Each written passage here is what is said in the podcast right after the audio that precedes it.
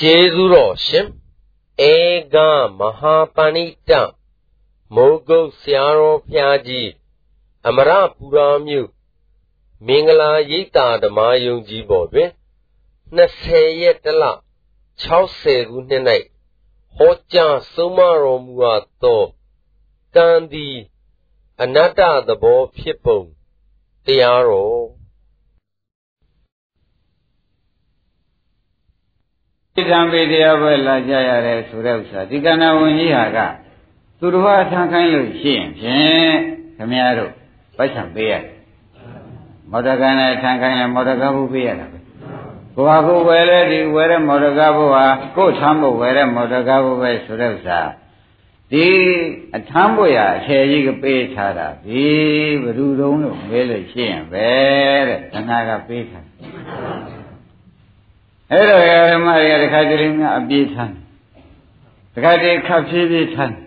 တခါကျော်တို့ထမ်းနေတာပေါ့ဗျာတခါတည်းခတ်တော့တော့များမသွားဘူးအဲတဏှာကအပြေးသွားမယ်ဓမ္မမိမှာဆိုပြီးတဏှာကမက္ခဏာကိုမင်းခတ်တော့တော့ကလေးသယ်လိုက်စမ်းกว่าဆိုပြီးတဏှာကများခိုင်းလိုက်တော့ခတ်တော့တော့ကလေးများတခါဓမ္မတွေကသွားကြတ ကယ်ဒီကျတော့ခမ်းမှမှမဲ့တော့ပါကွာမင်းဒီကတွေ့ရမှာပါပဲကျုံရမှာပါပဲဆိုတာနဲ့တကယ်ဒီခမ်းမှမှလေးထမ်းပြီးသွားရအဲ့တော့တဏှာဆိုတဲ့သဘောတွေကလည်းရှင်ဒကာဓမ္မတို့အာအယူလုပ်ပြီးဒီကကခိုင်းတယ်ခတ်တော်တော်သွားခိုင်းတာလည်းသူပဲခန်းတွင်နေသွားခိုင်းတာရောတခါတလေများကြတော့ခတ်တော်တော်လည်းသွားရသေးတယ်ဟိုကြတော့ကို ရင်ထုငိုလိုက်စမ်းဟေခိုင်းလိုက်တယ်အမငိုရရတယ်လို့မိတ်ဆွေမျိုးနဲ့မင်းနဲ့꿰နေတာမင်းဒီတိုင်းနေမလားငိုလိုက်စမ်းပါလားဆိုလို့အမတကာရမတွေကမျက်ရည်ချင်းငယ်မြတ်ကြပြီးရင်ထုပြီးမြေလူပြီးငိုရရဒုက္ခဝိဒုက္ခမှုတွေဘယ်သူပေးတာပါလဲအင်းဖြည်းဖြည်းသွားခိုင်းတယ်သူပဲ မြန်မြန်သွားခိုင်းတာဟိုကြတော့ငိုလိုက်စမ်းဆိုတာအဲဟန်လို့ပြီးပြုံးလိုက်အောင်ဟိတ်ဆိုတာရောတယ်လည်းနိုင်ကြကောင်းပါဒုက္ခဝတ္ထုဒုက္ခမှုတွေပေးလေသမျှတဏှာကဆိုရရိမ့်မိဗလားအဲ့ဒါဒကာရမတွေဒီစမျိုးစုံခင်းတာစုံခဲ့ဗလားလို့ဒကာကျော်ဒကာတစ်တို့မေးလို့ရှိရင်မပြောပါနဲ့တော့ရှင်ဘုရားပြောတာကနည်းသေးတယ်ပြီးတယ်တွေ့ရကျုံးကသုံးရတာက ဤမြမကတော့ပါဘူးလို့ပဲဖြေထွက်เสียအကြောင်းရှိမရှိဘူးလားသို့တော်ဒကာကျွယ်တို့ဒကာတစ်တို့ကလက်တဲ့ခုတဲ့တိုင်နဲ့သူ့ကြောင့်ဟေးလို့ဆိုလို့ဆိုစွဲချက်ကမစွမ်းနိုင်ချဘူးမစွဲနိုင်တာကဘာဖြစ်လို့မစွဲနိုင်ကြုံလို့မဲတဲ့ခါကျတော့တဏှာပြီသူကခိုင်းခမည်းတော်ကသူကခိုင်းလို့ဖြည်းဖြည်းသွားနှင်းလေးသွားငိုပွဲရှင်ပြုံးပွဲရှင်ပေါ့ဗျာ ေ ဘုရားခိုင်းတာတော်ရကြအကြောင်းမညင်ညွတ်လာပြီဆိုပြန်တဏှာကသူကသူ့ကိုယ်ရောင်ဖြောက်ပြီးဒီကလာကံလေးအစားထိုးတာကံမကောင်းလို့ကံပေါ်ကြိုက်တယ်ခင်ဗျားတို့လည်းမြင်လိုက်တာပဲအင်းဖြည်းဖြည်းသွားခဲ့ရနန်းနန်းသွားခဲ့ရဒီကြတော့မျက်စိမျက်နှာမသားမရနဲ့တွေ့ရကြုံရတယ်ကံများခြေလိုက်တာကြည့်စမ်းဒကာရမတို့ထိုင်းတာကဘယ်လိုလဲ ခင်ဗျားတို့ကလက်သက်ဖမ်းလိုက်တော့ဘယ်လိုသွားမိဩခက်ပါပြီးတော့ရိုက်တဲ့လူမမိပဲနဲ့ခိုးတဲ့လူမမိပဲနဲ့ဗရိန်းနဲ့သွားဖမ်းတော့ဘယ်လာဖြစ်မလဲဗျဖြစ်နိုင်ပါမလားခိုင်းတာကဘယ်လိုပါလဲခင်ဗျားတို့ကဆွဲချက်တင်ပြီးဖမ်းလိုက်တာကဩဒါကြောင့်ဒကာရမတွေတဲ့ဒုက္ခပေးလေသမျှတဏှာကဆိုပါရဲ့သားနဲ့ကံပေါ်များခင်ဗျားတို့ကဆွဲချက်ချလိုက်သေးတယ် ဒီတော့ဝိဒနာကိုတတ်ချင်တဲ့စိတ်ပယ်ချင်တဲ့စိတ်အဲရန်သူကြီးပဲလို့များစွဲချက်မတန့်နိုင်ကြတဲ့ကခမရတို့ဒီအဖမ်းကလွယ်ပြီးဒီကာလနေတော့ကိုတကယ်ကိုပဲတဲ့ရန်သူကိုမမိပဲဖြစ်ပြီးဒီကာလတချောင်နဲ့ရှောင်ပြီးဒီကာလကံကြီးအစားထိုးထားခဲ့တယ်တဏှာပေါ်မှာကြီးဒကာရမတွေကစွဲချက်ကတင်းနေတော့တတန်တရားလို့သမှုရိယသစ္စာတဏှာလောဘခင်ဗျားတို့ဖမ်းမမိခဲ့ဘူး ဘယ်လောက်များဆိုးခဲ့လက်တယ်ကိုမမိဘူးနော်လက်တယ်ကိုမမိပါဘူးတရားဓမ္မတွေဖြစ်တွေကဖြင့်ဆိုးလိုက်တဲ့ဖြစ်ချင်းခလုတ်ကလေးတိုက်တယ်အမြန်သွားလို့ခလုတ်တိုက်တယ်တကယ်သိကံမြခေတော့ဗျာလမ်းသွားရင်ခလုတ်ကတိုက်လိုက်သေးဟာတဏှာကအမြန်သွားခိုင်းလို့ခင်ဗျားတို့တဏှာအာယုံကရှေ့ကိုရောက်ရှင်တဲ့တဏှာဇောကစောနေလို့ခလုတ်ကိုမြင်သေးရဲ့အာတဏှာခိုင်းလို့ တခါတည်းရှေ့ရှေ့လောကြည့်ပြီးတိုက်ရတော့တဏှာကြောင့်တိုက်ကြပဲသူခိုင်းလို့အပြေးခိုင်းလို့တိုက်ကြပဲလို့ဒီလိုဆွဲကံခေလို့တိုက်တယ်ကဲတဏှာကပုံနေလိုက်ကံကိုစားထုတ်ပြီးခင်ဗျားတို့ကဆွဲချက်ပြန်ဖမ်းလိုက်တော့လွယ်သေးဘူးလားအဲ့တော့ဒကာဓမ္မတွေကဘာဖြစ်နေကြုံလို့မဲတဲ့ခါကျတော့ကာမဝါဒီဒိဋ္ဌိဖြစ်နေဘာဖြစ်နေပါ ကာမဝါဒီဘာဖြစ်ဖြစ်ကောင်းတာကောင်းတာဖြစ်လာပြန်လဲကံကြောင့်ဆိုးတာဖြစ်လာပြန်ဘယ်ဟုတ်လိမ့်မလို့တရားဓမ္မတွေတဏှာကြောင့်ကြီးပဲလို့မှတ်လိုက်စမ်းပါခမည်းတော်ပရိစ္ဆေသမုပ္ပါကိုဆရာဘုန်းကြီးနေတိုင်းသင်နေတယ်တဏှာဥပါဒကံကံနောက်ဆုံးပြီဒီကံပေါ်ဘယ်လိုအုပ်ချုပ်နေတုံးလို့မေးစမ်းပါတရားဓမ္မတွေရဲ့ တဏှာဥပါဒအုပ်ချုပ်နေတယ်ဒါဖြင့်ကံနဲ့တဏှာဥပါဒံဒီဘယ်သူကဆရာဘယ်သူကတပည့်ပါလဲတဏှာဥပါဒံကဆရာကံကတပည့်ဆိုတော့ဘယ်သူဒီရေးပါရာရောက်ကြုံလို့မေးကြည့်တဏှာဥပါဒံကရေးပါရာရောက်တယ်ကံကအစေကံဖြစ်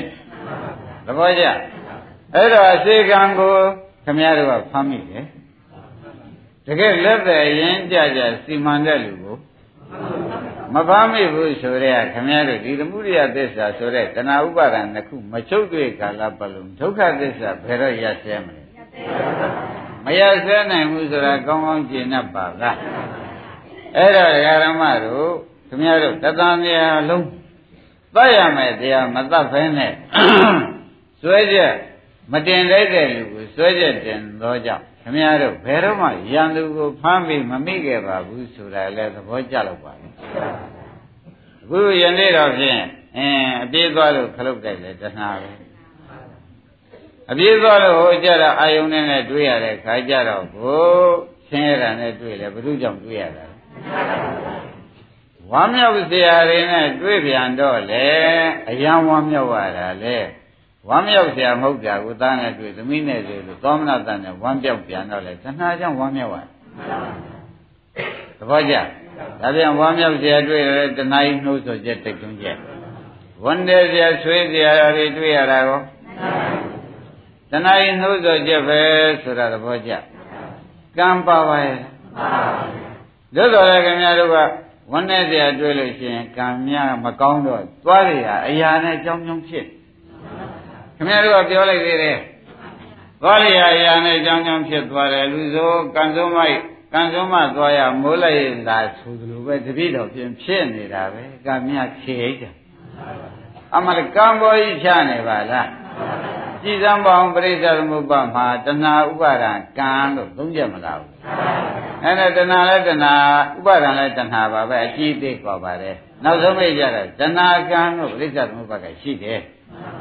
အဲ့တော့တဏှာဥပါဒနာနဲ့ကံဒီတရားဓမ္မတို့ဘ누구ကောင်းဆောင်ဘ누구နောက်လိုက်လဲလို့မေးလိုက်ပြန်တယ်ဒါဖြင့်တရားဓမ္မတို့ကံဆိုတာသူကလုံးမဖြစ်ရရှာတာသူကကောင်းဆောင်တိုက်တွန်းလို့သာလျှင်တရားဓမ္မတို့မှာအမျိုးမျိုးဖုံဖုံဒုက္ခတွေဂျုံရတာသဘောကျဒါဖြင့်တရားဓမ္မတို့နေတိုင်းအလုတ်တွေလုံနေကြတာဟာကံကြောင့်လုံနေရတာလားလို့မေးလိုက်တယ် အိုးထင်ရှားတာထင်ရှားတာပဲနေတိုင်းဆိုင်သွားနေကြတဲ့ကကျွယ်တို့နေတိုင်းရကန်နေထောင်ပြီးကြလားလူသားတိုင်းပြရောက်နေကြတာတကယ်ကျွယ်ငွေလိုခြင်းလက်တဏှာမဟုတ်ပါရဲ့လားကံကခိုင်းလို့လားတဏှာကြောင့်လုံနေရတာလားတဏှာကြောင့်လုံနေရတော့ပိုးလေးကမရအထေသေးလေးကမတက်လာတော့ကံခေတယ်တဏှာကြောင့်လုံနေတာကံခေတယ်လို့များပြောပြီးဒီကရနေလိုက်သေးတယ် တဏှာနဲ့စောစောစီးစီးကမလုံးမဲ့ဆိုကံအကြောင်းခင်ဗျားတို့ထဲမယ်မဟုတ်ပါဘူးသဘောကျဒါပြန်30ပုံသားတွေကိုတဏှာရိဥသောတရားကကျိုးကင်ဖွယ်ကြီးလုပ်ပြီးကာလကျိုးစုံကခိုင်းနေတာဟာ30ပုံမှာတဏှာသမှုတရားကြီးခြေလည်မှုတိုင်းခံနေရတယ်ဆိုတာသဘောကျဇမာယုတ်လုတ်ပြီးကြရတာလဲတဏှာပဲနာယုတ်လုတ်ပြီးကြရတာငိုပွဲတွေဆင်ရတာတဏှာ ပဲတဲ့ပြုံးပွဲတွေများတခါတည်းအယံပြုံးများပြုံးနေတာရောတဏှာပဲဆိုတော့30ဘုံမှာကျိုးကင်ဖွဲ့ဟာဘယ်သူပါလိမ့်မလို့မေးရင်တဏှာသမှုရိယပဲဆိုတာသဘောကျဒါဖြင့်ဒကာဓမ္မတို့တဏှာချုပ်ရင်ဒုက္ခချုပ်ဘုရားကဟောလိုက်တဏှာချုပ်ရင်တဏှာချုပ်ရင်ဒုက္ခချုပ်တယ်လို့ဟောတော့သစ္စာလေးပါးဖွဲ့ကြည့်တော့ကမ္မပါပါလားမေးလိုက်ပါလေ ပါသေးနှုတ်ခမည်းတော်လက်ထက်ကျမှဘာဖြစ်ကောင်းကံဆိုးကံတဏှာဖြုတ်တာအမှန်တမဆိုးရဘူးလားတို့ယခုပရိစ္ဆေသမုပ္ပါနဲ့ဆရာဘုန်းကြီးပြလိုက်ပြန်တော့လေဩကံကနောက်လိုက်ပါလားဗျာတဏှာကခေါင်းဆောင်ပါလားဆိုတာလေပရိစ္ဆေသမုပ္ပါကိုပရိစ္ဆေသမုပ္ပါကိုသေးသေးချာချာရှိလိုက်တဲ့ဖြင့်လေဒကာဓမ္မတို့တဏှာခေါင်းဆောင်ဆိုတာသိသွားမသိဘူးလားရှင်းကြပါဗလား ဒါပြန်ဒကာဓမ္မတို့တဏှာမသိရင်ဒုက္ခမကုန်သေးဘူးခொနကမနေ့ကယမကသောတာပန်တည်သွားတော့အပယ်လေးပါးဒုက္ခတော့ဖြင့်ဒိဋ္ဌိကြောင့်ဖြစ်တာကုန်ပါရဲ့လူပြည့်နတ်ပြည့်ခေါဏဘဝဒုက္ခတွေကြတော့တဏှာမသေးလို့ခံရဘယ်နဲ့ဆိုကြပေါ်လားအဲလူပြည့်နတ်ပြည့်ခေါဏခါဒုက္ခဖြစ်ရမှာဘယ်သူမသေးလို့ပါ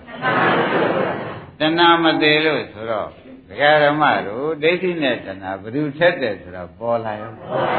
သူကထက်အဲ့ဒီတဲ့ကြတော့ကံတောင်မပါတော့ပါဘူးပါသေးရဲ့လားအဲ့ဒါကြောင့်ဒကာဓမ္မတွေကကာမိကံဖတွေပဲအာကိုပိရိကလာနေကြတော့တဏှာကသဘောကျတာပေါ့ဗျာတဏှာကသဘောကျတဏှာကသဘောကျတယ်အင်းဒုက္ခကငါက အဲဆွဲချက်တင်လိုက်တာကကံပေါ်မှာဆွဲချက်တင်လိုက်တယ်ဆိုငါနေတာကြီးပဲငါပြုတ်အောင်မှမဖြုတ်ပဲမင်းတို့ဒုက္ခမျိုးစုံဘယ်တော့မှမလွတ်ရှိဘူးလို့သူကဘေးကနေတောင်ပြုံးလိုက်ပြီသဘောကျဒါပြန်ဒကာကျွေးဘာသတ်မှသင့်မယ်ဆိုတာဖြင့်ပေါ်လာပါပေါ်လာကြဘာသတ်ကြမယ်တဏှာသတ်ရမယ်ဓမ္မလို့ခြင်းဘာလို့ကြ အောက်မဲ့အောက်ဆုံးမဲ့လို့ခြင်းကဲတခါကျွယ်ခုမှရှင်းပြီတော့ကဲဒါဖြင့်ဒကာဓမ္မတို့ဝိပဿနာလုပ်ဝိပဿနာလုပ်ဆိုမဲ့လေတခါကျွယ်လူသားပါလူတယ်အနိစ္စဒုက္ခအနတ္တရှိလျှောက်လို့နေလို့မပြီးသေးဘူးအဲတဏှာသဒိဋ္ဌိသမယ်နေနဲ့ဒိဋ္ဌိရင်အာကျုံမန္တတတဏှာသမယ်နေရကြတဲ့တဏှာအာကျုံမန္တတမှာအထက်မဲ့ကိုရမယ် ဒိဋ္ဌိသမအောင်မဲ့ကိုရမယ်သဘောကျကောင်းပြီ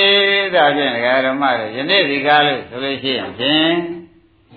ယမကသောတပန်တည်ပြီးသားဖြစ်ပါတယ်ဒိဋ္ဌိသေးပြီးသားဖြစ်ပါတယ်အမြင့်နဲ့ကွာကို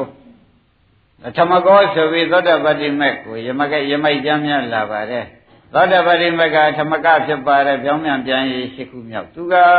ဒိဋ္ဌာနုတ္တယံဝဇာနာတိ ပဇာတိဆိုပြီးကလာပဇာနာဝါဒများသိချပဲပါတယ်တဏှာမပယ်ဘူးဆိုတော့လေယမိုက်ကျမ်းကရှင်းနေအောင်ပြထားတယ်ဘုရားက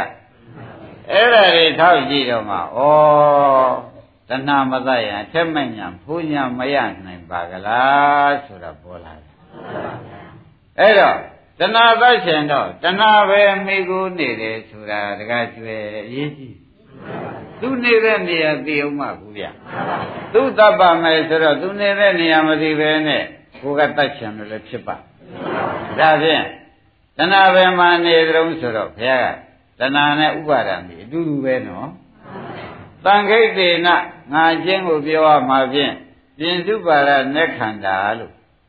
ပြင်စုပါရနဲ့ခန္ဓာပြီးဒုက္ခဆိုတော့အဲ့ဒီခန္ဓာ၅ပါးဟိုတဲ့ ဥပါဒံကတဏှာဥပါဒံကမှီးနေတယ်ကွာဒါဖြင့်တဏှာဒီခန္ဓာ၅ပါးမှီးနေတဏှာပဲမှီးနေပါဒါဖြင့်ဒကာဓမ္မမှီယာရှိရင်တရားရှိလိမ့်မယ်လို့မှတ်ထားတယ်မှီယာရှိရင်တရားရှိလိမ့်မယ်မှီယာရှိရင်တရားရှိပါလိမ့်မယ်မိယာရှိရင်တရားရှိပါလိမ့်မယ်လို့မှတ်လိုက်စမ်းပါမိယာရှိ တရားရှိနော်တိဒနေတဲ့တရားရှိဒါဖြင့်ဒကာဓမ္မတို့ခန္ဓာ၅ပါးပဲသူမင်းနေတယ်ဆိုတော့ဓမ္မစကြာကလည်းဟောလိုက်ပြန်တယ်တတိပဌံပါဠိတော်မှာလည်းထို့တူပဲခန္ဓာ၅ပါးမှာမှီးနေတယ်ဆိုတဲ့ဥစ္စာသေချာဟောပါတယ်ဒါကြောင့်ပြင်စုပါဒနဲ့ခန္ဓာဆိုတော့ဥပါဒနဲ့ခန္ဓာ၅ပါးဆိုတာတဏှာဥပါဒံတို့မိတိအာယုံပြုတ်နေတဲ့တရား ဒါပြန်ခန္ဓာ၅ပါးမှာသူမှီးနေတယ်ဒါပြန်သူ့သက်ရှင်လို့ရှိရင်ဒကာဓမ္မတို့ခန္ဓာ၅ပါးသူ့မေယာကိုကျွတ်တို့ကအဲသူကအမှန်တန်ခင်တွယ်ပြီးအမှန်တန်ညစ်ကပ်နေတဲ့တဏှာကိုခန္ဓာကိုကျွတ်တို့ကအဲညံသွင်းပြီးဒီကာလဘုရားကတော်လကောင်ဆရာဘုန်းကြီးကတော်လကောင်ဘုရားနေယူပြီးဒီကာလပေးရတော့မယ်မပေးလို့ရှိရင်ဒီခန္ဓာနာသူခွာမှာမဟုတ်ပါဘူး မခွာသေးကာလပါလုံးနဲ့အထက်မဲ့ထက်ဖို့တွေကိုမရနိုင်ဘူးဆိုတော့ရှင်းမနေဘူးလားဒါကြောင့်တဲ့ယမကကိုရှင်သာရိပုတ္တရာကတဏှာကအကြောင်းကိုသေသေးချာချာဟောတော့တာကိုင်းတယ်ဓမ္မတို့ခင်ဗျားတို့အခု ဘဒုနဲ့အတူတူနေကြပါလိမ့်မလဲလို့တခါတည်းဘဒုနဲ့အတူတူနေတုံးတခါကျွယ်ဘဒုနဲ့အတူနေတုံးဆိုတော့ဩခန္ဓာ၅ပါးနဲ့အတူတူနေတယ်ဗျာမဖြစ်ရဘူးခန္ဓာ၅ပါးနဲ့အတူတူနေကြနော်တခါကျွယ်ဆိုတဲ့ပညာရှိတဲ့ပုဂ္ဂိုလ်နဲ့ခန္ဓာ၅ပါးဆိုတဲ့ပရမတရားရှိနေအဲအတူတူနေကြအတူတူနေတခါတည်းဆိုတဲ့ပုဂ္ဂိုလ်နဲ့ပုဂ္ဂိုလ်ပညာနဲ့ပေါ့ဗျာ ခန္ဓာ၅ပါးဆိုတဲ့ပရမတရားကြီးနဲ့အတူတူမနေကြဘူး။ဩငယ်ပေါင်းဖြစ်နေကြ။မဆိုရဘူးလား။ငယ်ပေါင်းဖြစ်ပြီးဒီကလာနေကြတာဒီခန္ဓာ၅ပါးကြီးကခန္ဓာ၅ပါးကြီးတွေကအဲသမင်းကောင်းစားကြပါလေလို့ဝေဒနာခန္ဓာကတောင်းတာလို့ရှိရင်လေဒကာကျော်ဒကာသစ်တို့ကသူကကောင်းကောင်းစားကြတယ်ကောင်းကောင်းလေးဖြစ်ကြသမ်းပါအမခန္ဓာ၅ပါးကြီးခင်ဗျားတို့က တကယ်ကြီးညိုပြီးဒီကရတကယ်ကြီးညိုပြီးဒီကရတကယ်ပူဇော်ပတ်သက်နေကြတာနေစွန်းညစွန်းကန့်နေကြတယ်ဆိုရင်လွယ်ပါနေစွန်းညစွန်းကန့်နေကြတယ်လို့ဆိုတာဟာသင်ရှားပါတယ်နေရီတော်ညရီတော်နဲ့လဲပင်နေကြတယ်ဆိုရင်ကောအမြဲတမ်းပင်ညံကြနေကြတယ်ဆိုရင်ကောဟောမနဲ့ရေနဲ့ပူဇော်ရတာဟုတ်ဗျာ ဘုရားတော်တကူလာမှာခင်ဗျားတို့သတိရတာပါဘုရားတော်တကူလာမှာသတိရတာပါဒကာဓမ္မတို့ဒါလေတခါကျွယ်ဆိုတဲ့ပုဂ္ဂိုလ်ကခန္ဓာ၅ပါးပူဇော်တာပဲသဘောကျနေရတော်ညရတော်နဲ့စက္ကန့်နေတာကောခန္ဓာ၅ပါးပူဇော်နေရ ဘယ်ခါကာလမဆိုသိဉာဏ်ကြပြီးရေပူဇော်ပြီးနေရတာလေခန္ဓာ၅ပါးဘုရားနဲ့ဘုရုဘုရုကြည်ညိုသလုံးဩတဲလည်းခင်ကြပါလားတဲလည်းကျင်နာကြပါလားဆိုတော့မပြောတတ်ဘူးလားအမှန်တန်ခင်ကြတယ်အမှန်တန်ကျင်ညာကြတယ်ဆိုတော့မိတ်ဆွေရင်ပေါ့ဗျာ ဒီအိဗယ်ရောက်မရောက်မိတ်ဆွေရင်အစ်စ်ဖြစ်နေထားတယ်ဆိုတော့မိတ်ဆွေရင်ဖြစ်တယ်မဖြစ်တယ်ဟံဝေရောဟောမိအမှန်အတော်မြတ်တာရှိတယ်ဟာငါဒီဟဝါကျွန်ုပ်ဒီအဝေရာရာမရှိသည်ဟောမိဖြစ်ရပါလို့ကျမ်းပါဗျာကျမ်းသာကျမ်းပါဗျာကြီးငါရီဥသောခန္ဓာ၅ပါးကြီးဟာကျမ်းမှချမ်းသာဗျာကြီးဆိုဘုရားမေတ္တာဖို့တဲ့ထဲ့ကုန်မထဲ့ ဂေါရမကြီးရောက်ရကျမ်းပါပါစေလို့ပါရဲ့ဒီခန္ဓာတော့လက်ဥစွာကိုပို့ချိုက်တယ်ချင်ညိုတို့ဗျာမကြင်ညိုဘူးလားအဲ့ဒါခင်ဗျားတို့ကလည်းဒီလောက်နားလေတော့ဩခက်လိုက်တဲ့ဖြစ်ချင်းကိုယ်ကိုအရင်ပို့ရတယ်ကွာဆိုတော့ဩဘယ်နဲ့ကြောင့်အရင်ပို့ပါလဲခင်လွန်းလို့ပေါ့ဗျာရိမ့်မိဗလားဘာကြောင့်ခင်ပါလိမ့်မလို့လို့မေးတဲ့အခါကျတော့ ဒကာဓမ္မတို့ခင်စရာမဟုတ်မှန်းသိမသိလို့ခင်တာဘယ်နဲ့ကြောင့်ခင်ပါလိမ့်ခင်စရာမဟုတ်မှန်းမသိလို့နော်အဲခင်စရာမဟုတ်မှန်းမသိလို့ခင်မိတော့ခင်တာဘယ်တော့တာရှင်များခင်နိုင်ကြကြုံလို့မေးတဲ့ခါကြလို့ရှိရင်ဖြင့်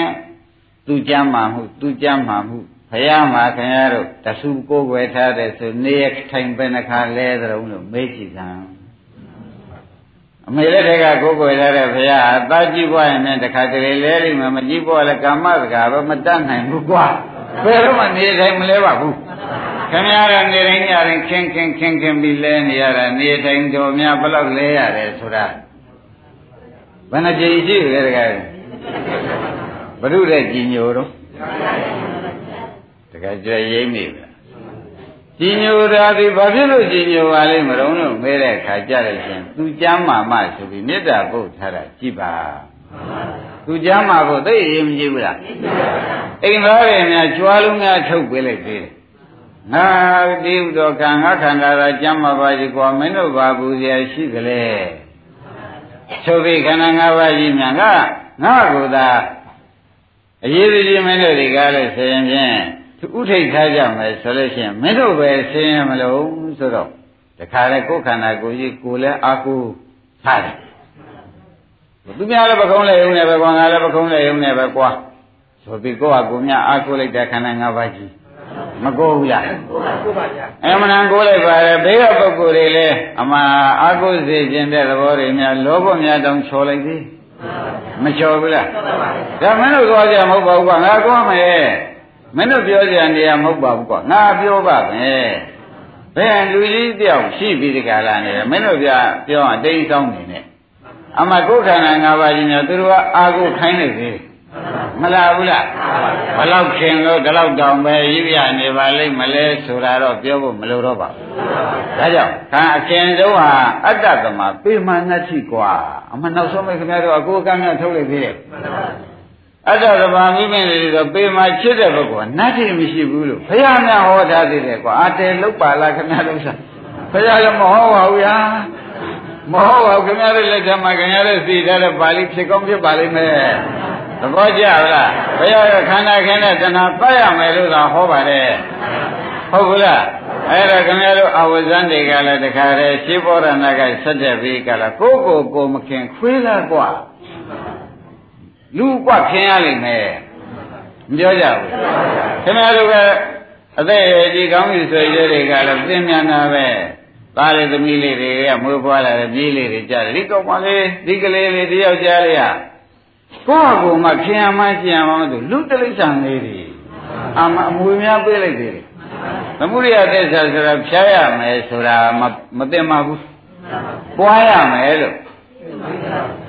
ဒါကခေါင်းကအတ္တသမပေမာနတိကလာအိတ်တယ်ရင်းနေဗလားဘုရားကလည်းဒီခန္ဓာခင်းတဲ့တဏှာကြီးကိုပြန်ပတ်ရမှာမူလားဗျာအဲခင်ဗျားတို့ကမတတ်နဲ့တဏှာဆိုတာပွားမှကောင်းတယ်မြေလေးတယောက်ထွန်းကားလာတယ်ဆိုရင်အဲရွှေတုံးချူခဲ့နောက်တစ်ယောက်ဆိုလို့ရှိရင်မြာတော့မြခဲ့လိဖြစ်ဒါတော့ဖြစ်လာတယ်ဆိုတော့ကတဏှာပွားတာကိုပင်လည်းကျင်နာကြီးကျင်နာနေတယ်ဆိုတော့ကောင်းနိုင်သေးရဲ့လား အဲဒါဖြင့်ဒိဋ္ဌိနဲ့တဏှာဘယ်ကပုံမကျေပါလိမ့်တဏှာပုံမကျေတယ်ဆိုတာသဘောကျကောင်းပြီဒါဖြင့်ဓမ္မတို့ဒိဋ္ဌိနဲ့တဏှာဘ누구ကသတ်ခတ်ပါလိမ့်တဏှာကဓာတ်ကိုသုံးချက်ဖြတ်ဒိဋ္ဌိကတစ်ချက်တည်းနဲ့ပြတ်ထွက်သောတာပတိမတစ်ချက်တည်းနဲ့ဒိဋ္ဌိကအကုန်ပြတ် ဒိဋ္ဌိတဏှာကတော့အမတော်သဂရိုင်းမနဲ့တစ်ချက်ဖြတ်ကြံသေးအနာဟုမနဲ့တစ်ချက်ဖြတ်ရင်ရတ္တမနဲ့တစ်ချက်ဖြတ်လိုက်မှာပဲကုန်ပြသွားတော့တယ်ဆိုတော့ဘ누구ကထက်တယ်ဆိုတာကကျွပေါ်ရောဘ누구ကထက်တယ်တဏှာကထက်တယ်ဆိုတာသိကြဗလားအဲဒါကြောင့်ခမရတို့ ဒကာဓမ္မတွေတဲ့တဏှာကအမှန်တန်ခက်ပါတယ်ဆိုတာသိလို့ရှင်ယမကကိုရှင်သာရိပုတ္တရာကယမကမင်းအထက်မဲ့ရောက်စေရင်ကြုံငါငါဟောမယ်ကွာဆိုပြီးတဏှာကဟောတော့တိုင်းဒါဖြင့်ဒကာဓမ္မတို့ခန္ဓာ၅ပါးသူသားယောက်ျားလို့မှတ်လိုက်စမ်းပါခန္ဓာ၅ပါးပဲလို့မှတ်ကြ စောစောမှတ်ထားပါစောစောမှတ်ထားပါနော်ခင်ဗျားတို့ဆွဲတဲ့တင်လာတင်ရမှာဒါဆေးသမားကဆေးမှားလို့သိရတယ်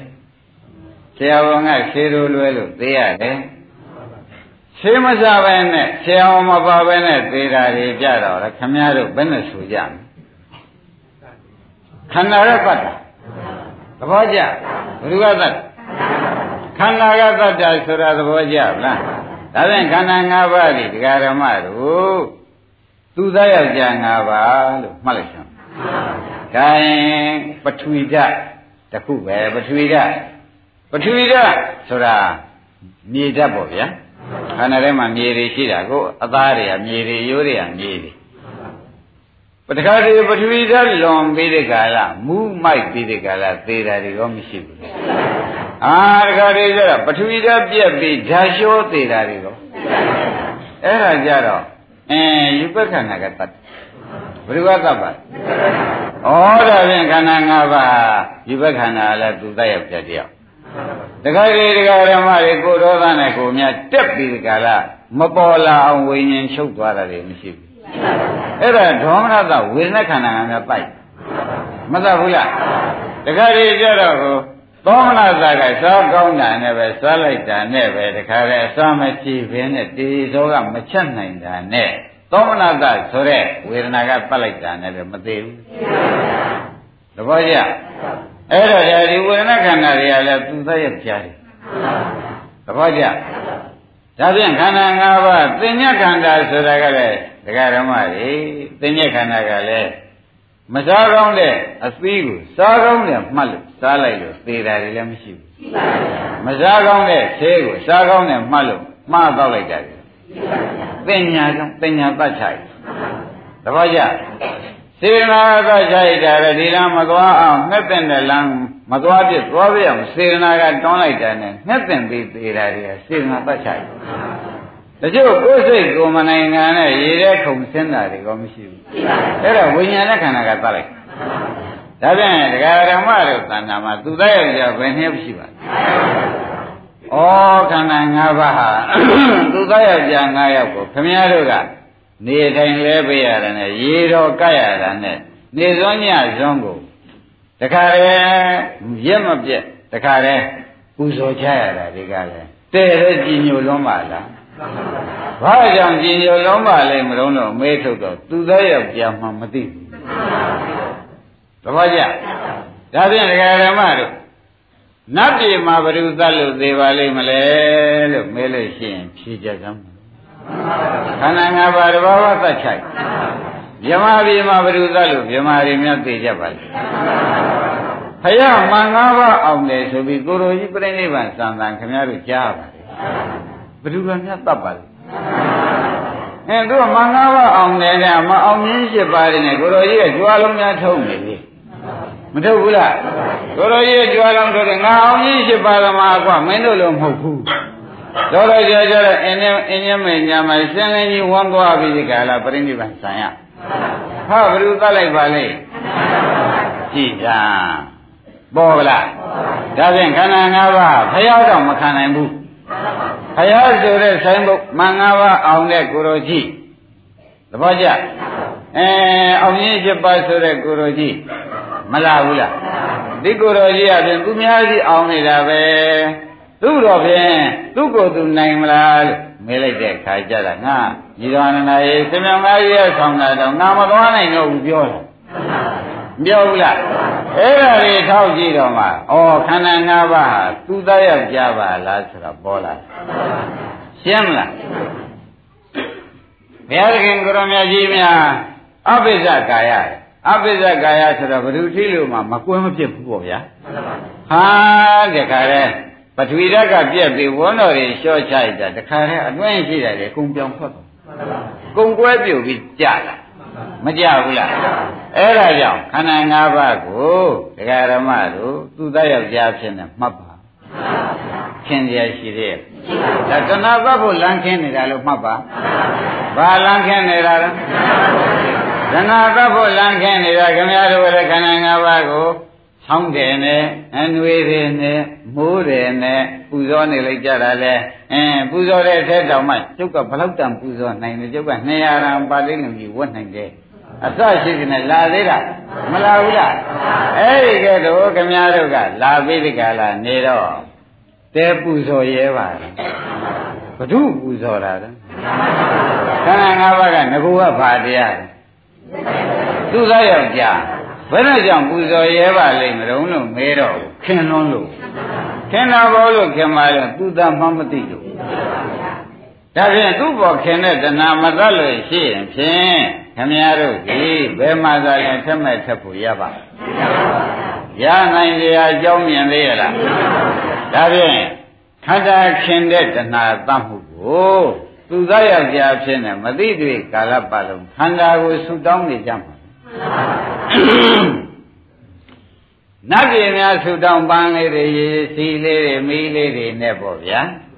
အဲလူတွေနတ်ပြည်ချင်းချင်းခံစားရပါလို့ပြီ အစရှိသည်နဲ့တခါကျတော့လှုပ်ချင်တယ်မသိတော့မှလှုပ်တာပေါ့ဗျာမှန်ပါဗျာအဲလူပြည်မှာလူပြည်သေးရတာအားရပြီခန္ဓာ၅ပါးပတ်လို့ပေါ့ဗျာနတ်ပြည်မသာလေးတော့သွားပြအောင်မှတော်တော့ဒါဟုတ်ဗျာနတ်ပြည်ဘာသွားပြကြဟုတ်ပေါ့မသားဆိုတဲ့ဥစ္စာဘယ်နေရာထားလို့သူ့ဘဖြစ်တဲ့ုံအတုပပဲမဟုတ်လားအဲ့ဒါခင်ဗျားတို့က ဘယ်နဲ့ကြောင့်နတ်ပြည်ဗြဟ္မပြည်များဆူတောင်းကြပါလိမ့်မလို့လို့မဲတဲ့ခါကျတော့အတုပပြရတာကဒီတင်ပြရတာရိုးသွားသဘောကျလားအဲအတုပပွဲကြီးကိုနတ်ပြည်သွားနှွဲပြရစီအောင်မြမပြည်သွားပြီတကလားဟာတကယ်ကျွလွန်ပြီခင်ဗျာအတုပကဘ누구ကနေပြီးဒီကလာဓာတ်တော်ဖြစ်ပြီးဒီကလာဘ누구ကစေရီလောက်ပြီးကိုးကွယ်မှာ ခင်ဗျားတို့ကသာထင်ကြီးနေတာဗနတ်ပြည်ရောက်ကောင်းလုံးလုံးနဲ့မြမပြည်ရောက်ကောင်းလုံးလုံးနဲ့ခင်ဗျားတို့ကသာထင်ပြီးဒီကလာဒီနတ်ပြည်ကလည်းဒီအတုပဘွယ်ကြီးကိုဘ누구ကများလိုက်ဖို့သေးတယ်မြမပြည်မှာလည်းအတုပဘွယ်ကြီးကြည့်ကြလိုက်တာလို့ကြားလို့ရလားကြားပါဘူးဒါခမည်းတော်ကပြကျင်သေးတယ်ဆိုတော့ဖြင့်ပွဲကြီးမှုလို့ချင်းနေလွဲပါလိမ့်မယ်သဘောပါလားဒါဖြင့်ဘုန်းကြီးတို့ဓမ္မတွေဘုရားရှိမှ လူပြည်နတ်ပြည်ချင်းချင်းဘဝဖြစ်ပြီးခံစားရလို့ဆိုတဲ့ဥစ္စာခန္ဓာခင်လုံးလို့ပေါ့ဗျာသဘောကျဘာခင်လုံးလို့ဘယ်လိုကြောင့်ဒီခန္ဓာကြီးတရားဓမ္မတို့စွဲစွဲမြဲမြဲကြီးခင်းနေပါလိမ့်မလဲဆိုတော့အိုးတဏှာဥပါဒံဗျာမဆိုနိုင်ဘူးလားတဏှာဥပါဒံကခင်ခိုင်းလို့ခင်းနေကြခင်းတာခင်းရတယ်ခုသေးချာဝေဖန်ပြီးဒီကလာထက်မဲ့ထက်ဖို့ရဖို့ဟောဖို့ကြတော့ သေးချာညာနဲ့ဆရာဘုန်းကြီးကဘုရားကရှင်းပြီးတော့ခန္ဓာ၅ပါးသူသားယောက်ျား၅ယောက်กว่าသဘောကျခန္ဓာ၅ပါးပါတဲ့ရှင်းမလားဒါဖြင့်ခင်ဗျားတို့ခန္ဓာ၅ပါးသည်ဘယ်တော့အန္တရာယ်ကင်းလို့ဘေးရှင်းမလဲမရှင်းဘူးဆိုတော့သိကြပါလားဟောနည်းနည်းရှင်းရတဲ့ပုဂ္ဂိုလ်ကနည်းနည်းချမ်းသာတဲ့ပုဂ္ဂိုလ်ကိုသူတို့ကတော့တိုက်နဲ့တားနဲ့ဘောပြန်နဲ့ကားနဲ့ အဲသူတို့ကတော့အသက်ရှည်လိမ့်မယ်လို့ထင်တော်ကြကားပေါ်ကမှဆံပါလားပါလာတယ်ပါလာတယ်ရိပ်နေဗလားအဲဘာဖြစ်လို့လဲဆိုတော့အိုးတိုက်ကြီးပေါ်ဖြားနေတယ်တော့ကြတဲ့ကြီးဘုရားလောင်းထုတ်သွားပြီဘယ်လိုထားထားမရတဲ့ကြီးကကာကွယ်ရလားဒီထဲကသူသားရဲ့ပြက်ကတတ်လိုက်တာ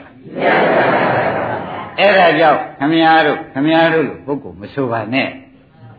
ခန္ဓာခန္ဓာခမည်းတော်ကမနဲ့မိုးလင်းအောင်မြင့်ရှိပါဓာပြဖွဲ့နေတဲ့ကိုရိုကြီးကိုတော်ကြပြိဋိဘံစံမရဲဟေးကြားရပဲဘယ်အောင်မြင့်ရှိပါကိုရိုကြီးကိုပဲခန္ဓာကြီးရခင်ဗျားတို့ကလည်းမင်္ဂလာယူပြီးအောင်မြင့်ရှိပါအောင်မြင့်ရှိပါနဲ့ကိုလိုကြီးပဲသွားတော့မေးတော့ခဏပြောပရိနိဗ္ဗာန်ဆံတယ်ဆိုတော့အကြီးကျယ်ပုဂ္ဂိုလ်မျိုးရင်အောင်သုံးတာစင်စစ်သေးတာပဲရိပ်ပြီဗလားအဲ့ဒါခင်ဗျားတို့က မသိတော့ကိုတဲ့ခန္ဓာဆုတောင်းတော့ဟိုမသူများအောင်တဲ့ကိုတော်ကြီးပဲဒုက္ခနာမှာမအောင်လို့ခန္ဓာပတ်လို့ပဲဝန်းလျှောတဲ့ဝေဒနာနဲ့ပြိဋိဘံစံရှာတယ်ဆိုတာလူတိုင်းသိမသိဘူးလားသိအဲ့ဒါတရားဓမ္မတော့ခန္ဓာဘာတရားလို့ခေါ်ကြရှင်းမလားနောက်ဘာနဲ့ပူဇော်ခြင်းသေးတယ် ဟုတ်ပါမလားခင်ဗျားတို့ကစောင့်ကြလားသူကအေးတယ်လူများကြီးလိုက်မနေနိုင်ဘူးရှိတဲ့ပစ္စည်းပေါင်းဝယ်ပြီးပူဇော်ရဟုတ်ဘူးလားသကလတန်နိုင်သကလဂရိဘာတန်နိုင်ဂရိဘာအစရှိနေတာပူဇော်ရဘူးလားတဲ့လဲကြည်ညိုပါလားတကကြွေဒါသူတို့ယောက်ျားမှမသိလို့မဟုတ်လားမှန်ပါဗျာ gain ယနေ့တော့ဖြင့်ခန္ဓာ၅ပါးဘာတရားလဲအဲသူတို့ယောက်ျားလို့သိလိုက်လို့ရှင်းပဲခင်တဲ့စိတ်ပဲနဲ့ အဲ့ဒါကြောင့်ခန္ဓာ၅ပါးကိုဝရကတော်လို့ခေါ်လိုက်ရှင်သာရိပုတ္တရာခန္ဓာ၅ပါးဝရကကွာဝရကဆိုတာဘာပါလဲမလို့သူသားယောက်ျားကွာယမကမင်းခန္ဓာ၅ပါးသူသားယောက်ျားဖြစ်အောင်ရှုစမ်းပါရှင်းမလားခန္ဓာ၅ပါးကိုတစ်ပါးပါးကိုဘာရှုရမလဲသူသားယောက်ျားဖြစ်အောင်ရှုရမယ်လို့ဆိုတာသဘောကျဒါနဲ့သူသားယောက်ျားဖြစ်အောင်ရှုလိုက်တဲ့အခါကျတော့ခင်ရမင်းရအသေးခိုင်းတာပဲဒါဖြင့် ရှင်သာရိပုတ္တရာယမကကိုသူသားယောက်ျားဖြစ်နေရှုခိုင်းတဲ့အဖြစ်ဟာတခါကျွယ်ရိမ့်မိတော့ပါပြီဒိဋ္ဌိတတ္တာလားတဏှာတတ္တာငကောခင်နေတာမခင်အောင်လုပ်ပဲဒါဖြင့်ဒကာဓမ္မတို့ပူဇော်လေသမျှဖြင့်ခမည်းတော်သူသားယောက်ျားကိုခမည်းတော်အားပေးရတယ်ရပ်ဒါကြတော့ဘုဒ္ဓနာနဲ့ပူဇော်လေလေပါတော့ အဲ့ဒါတချို့တရားဓမ္မတွေညီးကြကြတော့ဩသူများလည်းမချမ်းသာတော့ပူဇော်ရတာကကိုကဂုံအိမ်နဲ့ပူဇော်နေရတယ်ဆိုတော့မမကျေနပ်ဘူးချမ်းတဲ့ကဂုံအိမ်နဲ့ပူဇော်နေရတယ်ဆိုတော့မကျေနပ်ဘူးဘာပူဇော်အညာစားလေးနဲ့ပူဇော်နေရရင်ရောဘာလို့ရှင်ညိုသွန်းလို့တဲ့လဲဆိုပါဘာရှင်ညိုတာတော့မေးတော့မှာခန္ဓာ၅ပါးဘယ်ဘောဓာရှင်ညိုတာတော့ သူတဲ့ကြာမှမသိလို့ရိမ့်မိဗလားဘယ်လိုကြောင့်ဒီလောက်ကြီးညိုနေပါလဲကဲဒါဖြင့်သူသားယောက်ျားဟုတ်တယ်မဟုတ်တယ်တော့ဖြင့်ဖရာကကြည့်လိုက်တယ်ဖရာမှာပထဝီဓာတ်ပြက်ပြီပထဝီဓာတ်ကတတ်ချိုက်သဘောကျဖရာမှာပါတော့များပထဝီဓာတ်ပြက်တယ်ဆိုတော့ဝန်းလျှော်ပြီးပြိဋိဘံဆံဟိုးရှင်သာရိပုတ္တရာကျသွေးတော်တွေ သွေးအံပြီးတရားရှာတယ်ဆိုတော့တေဆုံးလုံးပြီးလောင်ချိုက်သဘောကျအဲဒီဒီသောကရှင်မောကလန်ကြီးတို့ဒီတိုင်းနဲ့တကူကြည့်လိုက်တာသူများများရှင်မောကလန်ကြီးတို့ကတကူရံဣသရေယဆိုတော့ခန္ဓာတွေကဖောက်ပြန်ပြီးအယိုးတွေကတခါတည်းခိုးသားတွေရိုက်ပြီးခြေတော့မကခြေတဲ့ဥစ္စာဒီဒကာရမတို့ခန္ဓာထဲမှာခြေခြေရှိလို့ခြေတာခြေခြေမရှိရင်တော့သဘောကျကောင်းပြီဒါဖြင့်ဒကာရမတို့ခန္ဓာ၅ပါးကိုယနေ့ဘယ်လိုမှတ်ကြ ဒါဖြင့်ဘယ်အဖြစ်ပြမြင်နေသူသားယောက်ျားပါသူသားယောက်ျားပါလားအင်းသူသားယောက်ျားတယောက်ပါလားသူသားယောက်ျားတယောက်ပါလားသူသားယောက်ျားတယောက်ပါလားလို့ရှုရှုပြရသူကရှုပုံတစ်မျိုးသဘောကျအထက်မဲ့လို့ရင်လို့ရှိရင်ဝရကတော်နဲ့ရှုရမယ်ဒါရည်ဒီယမကမှာဟောတဲ့နေရာမှာသေချာလာပါတယ်လို့မှတ်လိုက်စမ်းပါအင်းဒါသူသားယောက်ျားဖြစ်တယ်လေမြင်လိုက်လေသူသားယောက်ျားတယောက်ပဲပြက်တယ်လေမြင်လိုက်လေ အင်းခန္ဓာတွေဟုတ်ဗျအင်းသူသားယောက်ျားတွေပဲသူသားယောက်ျားတွေပဲဆိုတာရှင်းမလားအဲ့ဒီကဲတော့ရှုရှုရှုရှုပေးရအဲ့ဒီတော့ဥပမာနဲ့ပြောရှာတယ်ရှင်သာရိပုတ္တရာကခန္ဓာ၅ပါးကိုခင်ဗျားတို့ဒကာတိတို့တဏ္ဍခန္ဓာ၅ပါးရောက်လာတယ်ရောက်လာတာကတော့ဖြင့်ခင်ဗျားတို့ရှိခင်ဗျားတို့ကကံကောင်းကြောင်းသိပြီမနုဿတာဘဝကြောင့်တစ်ပါးရခဲ့ရကြီးရလာတယ်လို့ခင်ဗျားတို့ကသင်ကြ ခန္ဓာ၅ပါးရလာတာကိုလူခန္ဓာ၅ပါးကြီးရလာတာကိုပဲမနုဿတာဘဝတုံလို့ကမရသဘူးရသူပြီးရလာတာတော်လိုက်လိမ့်ခြင်းဆိုပြီးခင်ဗျားတို့ကဖူးမှုတ်ထားမှာနိဗ္ဗာန်မရခြင်းတဲ့ပုဂ္ဂိုလ်အားဒီလိုဖူးမှုတ်ပြီးထားလိမ့်မယ်အဲ့တော့ဒီခန္ဓာ၅ပါးကိုရှင်သာရိပုတ္တရာကဟောလိုက်ပါယမကဒီခန္ဓာ၅ပါးမင်းတို့ဒကာကျွတ်သဏ္ဍာန်ရောက်လာတဲ့ခန္ဓာ၅ပါးဒကာသစ္ခန္ဓာရောက်လာတဲ့ ဒကာသစ္သန္တန်ရောက်လာတဲ့ခန္ဓာ၅ပါးကသူပထမတော့ဖြင့်ကွာတဲ့တတ်မယ်လို့ရည်ရွယ်ချက်တော့ပါပါရဲ့ပါပင်ပါညာဆိုလေဒီတိုင်းသတ်လို့မရတဲ့နဲ့ခမည်းလူရှိသလိုပြုပါမယ်စုပါမယ်ခမည်းအထဆိုထပါမယ်ထိုင်ဆိုထိုင်ပါမယ်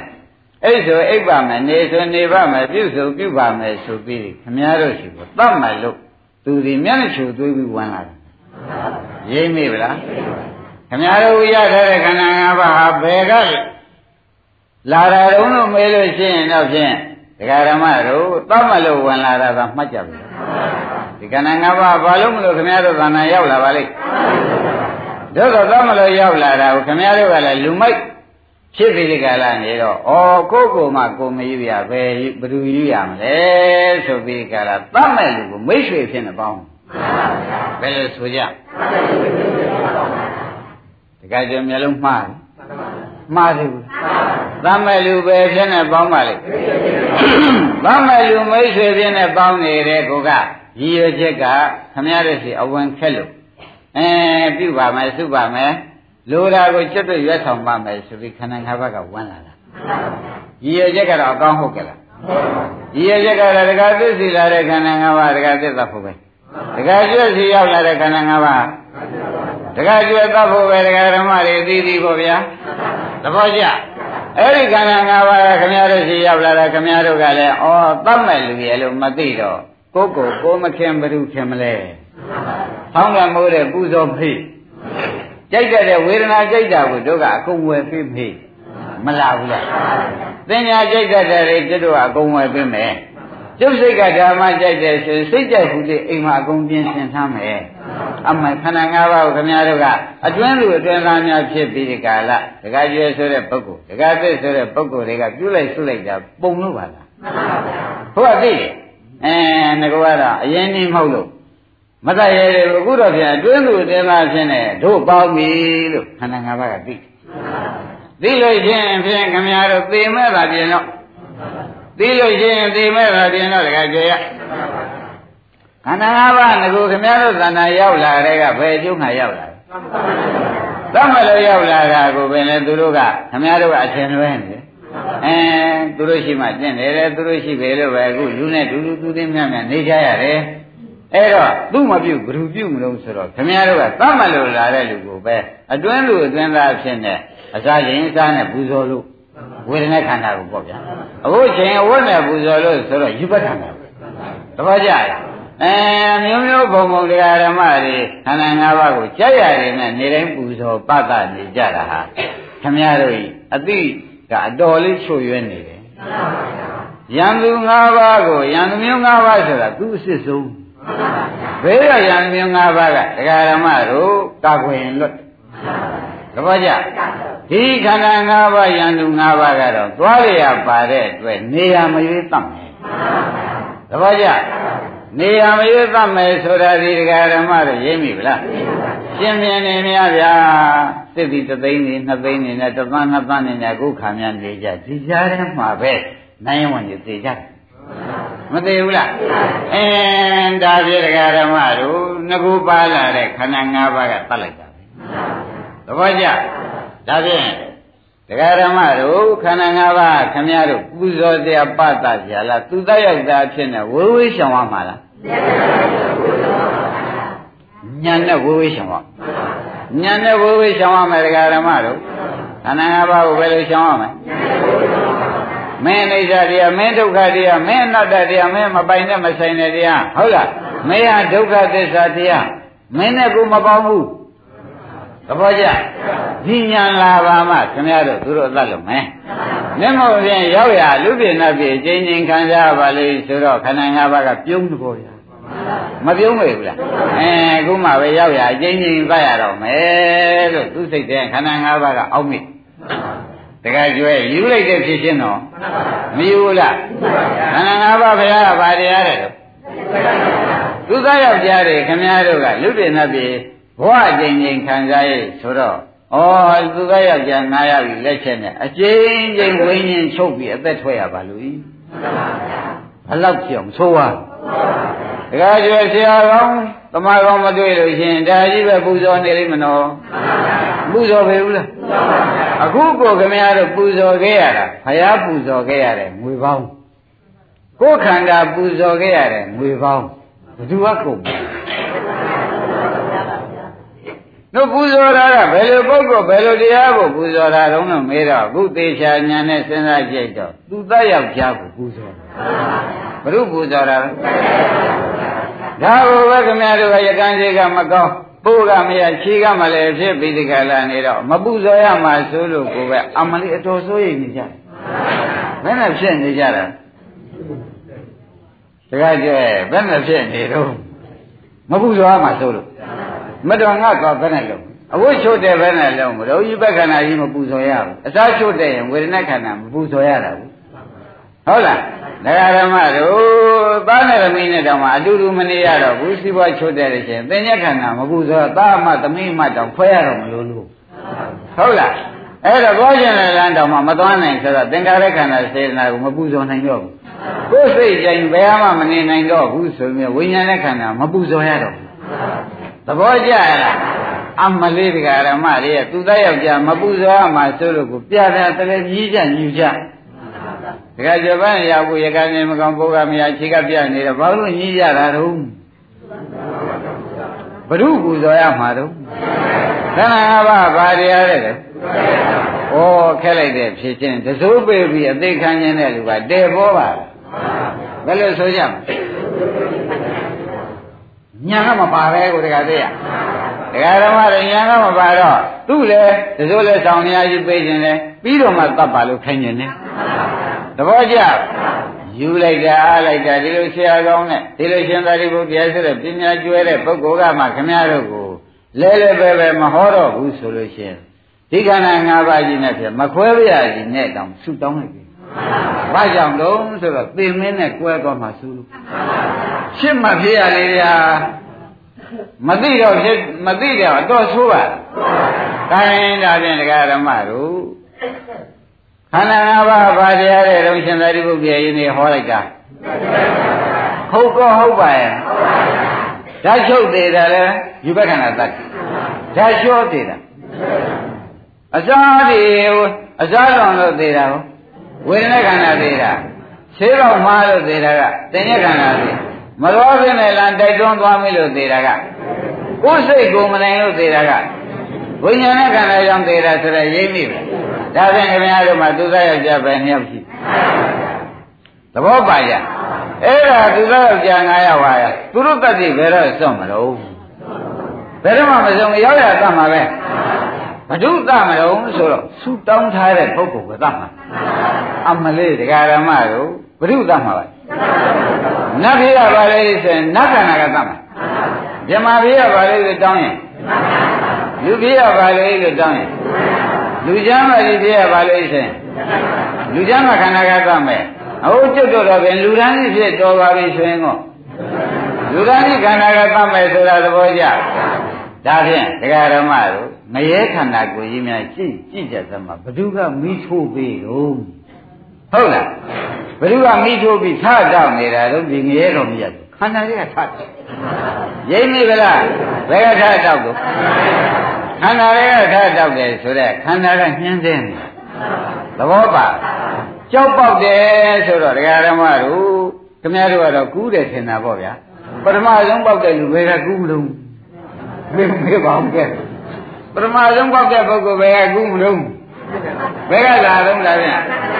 ကပ်မှာဆိုလို့ပါစင်တို့ခန္ဓာရှိလို့ပေါက်တာကြီးပါပဲရင်းပြီဗလားခင်ဗျားတို့ကတော့တောင်ချောင်ရောက်ဆောင်တဲ့ဟိုရတဲ့ဒီရမကူးနဲ့ကူးတတ်တယ်တဲ့ဘုပထမဆုံးပေါက်တဲ့လူဘယ်မှကူးပါလိမ့်ရင်းပြီဗလားတခါကျဘယ်ကကူးတော့ဒါပြဟိုပုဂ္ဂိုလ်တွေလည်းဘယ်ထဲကပေါက်မှာတော့အဲကူးလို့ပေါက်တယ်လို့ပြောခြင်းပြောနေတော့ခဲနေတာပဲ ရိမ့်မိဗလားဒါပြန်ခန္ဓာရှိတဲ့ပုဂ္ဂိုလ်မှာဒကာဓမ္မတို့ခင်ဗျားတို့သိတာနကအယူသိနှမ်းသိတော့သိသေးသိတော့သိသားဗျဘုရားသမီးကကြောက်ပေါ့လို့မသေးဘူးဆိုရင်ဟာဒါအောင်ပွဲဝင်ပြီဒီဒီသက်တော့ဒီဝေဒနာနဲ့မသေးတော့ဘူးအမချိန်မြန်ချိန်မလိုက်သေးတယ်ဒီထဲကပေါက်လာဒါပေါက်ပြီးမှစိတ်အေးရတယ်ဘူးဒါအယူသိနှမ်းသိအယူသိနှမ်းသိငကိုကတော့ဖြင့်ခန္ဓာရှိတဲ့ကဒကာကျွယ်ဒီထဲမှာသူသတိရှိ ဘယ်နဲ့ဆိုကြဒါဖြင့်ဒကာဓမ္မတို့ဘုရားသခင်ကိုရမကြီးကိုလည်းထောက်ကြည့်ကြည့်သိပါတယ်အင်းဘုရုသတုံဘုရားအမတပါးလေးထဲလိုက်ကြမှာဗျာငါးပါးဝိုင်းတက်ကိုတော်ကြီးမခံနိုင်ဘူးသဘောကျတပါးလေးပတ်တာပါလို့ပထဝီဓာတ်တစ်ခုတည်းဖြတ်တာလေမင်းတို့အတန်လေးဓမ္မကွဒီကိုတော်ကြီးတလောက်ကြွားတဲ့ကိုတော်ကြီးငါတယောက်တည်းသတ်မှာကွာဆိုပထဝီဓာတ်ဆိုတဲ့ယူဘကန္တာတစ်ခုတည်းသတ် ရိမ့်ပြီလားဘလောက်ဆိုးတယ်ဆိုတာပေါ်လားဒါဖြင့်ခန္ဓာ၅ပါးဘာတရားလို့ခေါ်ကြဒါဖြင့်ခင်ဗျားတို့ဒီနေ့တရားမဆုံးပါဘူးဘာလို့ဖြစ်တာလဲတွေ့လဲအင်းသူသားယောက်ျားတယောက်ပဲသူသားယောက်ျားတယောက်မင်းဆုံးရင်ကောင်းလို့ကွာမင်းပေးနေတဲ့ဒုက္ခကြီးပဲမင်းပါနေတာပဲသဘောကျအင်းဒါပြန်ဝရကတော်ဝရကတော်နဲ့သူသားယောက်ျားတယောက်ပဲသူသားယောက်ျားတယောက်ပဲသာရှုပေး ထိုကဲ့လို့ရှုပေးလို့ရှိရင်ဖြင့်ဒါခင်မအောင်မလားဒီခန္ဓာကြီးမခင်တော့ခင်တာတဏှာမဟုတ်လားအဲသူတဏှာသေးလို့ရှိရင်ဖြင့်ဒကာဓမ္မတို့ခင်ဗျားတို့ဒီကားလို့ဆိုလို့ရှိရင်ခင်လို့ရထားတာခန္ဓာမမခင်မရနိုင်တော့ခင်လို့ရထားတဲ့ခန္ဓာကြီးကိုခင်လုံးကိုဖြုတ်လိုက်လို့ရှိရင်ဒီခန္ဓာနောက်ရပါအဲ့တော့ပညာရှိယောက်ျားဖြစ်သွားသောကြောင့်ခန္ဓာ၅ပါးကနောက်ရပါ မရရင်တတ်မဲ့သူသားယောက်ျား၅ယောက်နဲ့ကျွတ်တို့တခါတည်းဥစ္စာကွဲသေးဘူးဒါဖြင့်သိတရားရှိသေးဒါဖြင့်အသေးလို့ဆိုတာခန္ဓာမရှိမှအသေးလို့ခန္ဓာ၅ပါးသူသားယောက်ျားတရားကျွတ်တို့ကသူ့ကိုမလို့ခြင်းတော့ပါဘူးဆိုတော့ခန္ဓာနိရောဓနိဗ္ဗာန်ခန္ဓာနိရောဓသူသားယောက်ျား၅ယောက်ဤသိခြင်းသည်နိဗ္ဗာန်ကျွတ်တို့ချမ်းသာရေးပဲ သဘောကျခန္ဓာ၅ပါးမရှိလို့ရှိရင်ကျွတ်တို့ဤပါတော့ဒါဖြင့်ခန္ဓာ၅ပါးကိုဒကာရမတို့သူသားယောက်ျားဖြစ်နေဖြစ်တယ်လဲသူသားယောက်ျားပဲဖြစ်တယ်လဲအဲ့ဒီကဲတော့ခမရတို့ဖြစ်ပြက်ကိုသူသားယောက်ျားဖြစ်နေသူသားယောက်ျားဖြစ်နေရှုရှုရှုရှုပေးရင်ဖြင့်တဏှာသေးပါလိမ့်မယ်တဏှာသေးရင်အထက်မဲ့ကိုရမယ်ဆိုတာသုံးမဲ့ချက်ချလိမ့်မယ်သဘောပါဒါဖြင့် အောက်မဲ့လိုခြင်းဒိဋ္ဌိတတ်ပါအထက်မဲ့လိုခြင်းတဏှာသောခြင်းဝရကတော်နဲ့ရှုပါသူသားယောက်ျားဖြစ်ပါလားသူသားသမားတွေပါလားဖြစ်တယ်လေသူသားသမားပဲပြတ်တယ်အောင်အဲဒါသူသားသမားတွေပဲသူတို့နဲ့မနေရရင်အေးမှာပဲသူတို့မရှိမှချမ်းသာမှာပဲမလားပဲဘူးလားအဲ့ဒီကဲတော့လာတော့သူတို့ပေါ်ခင်တဲ့တဏှာရှိသေးလား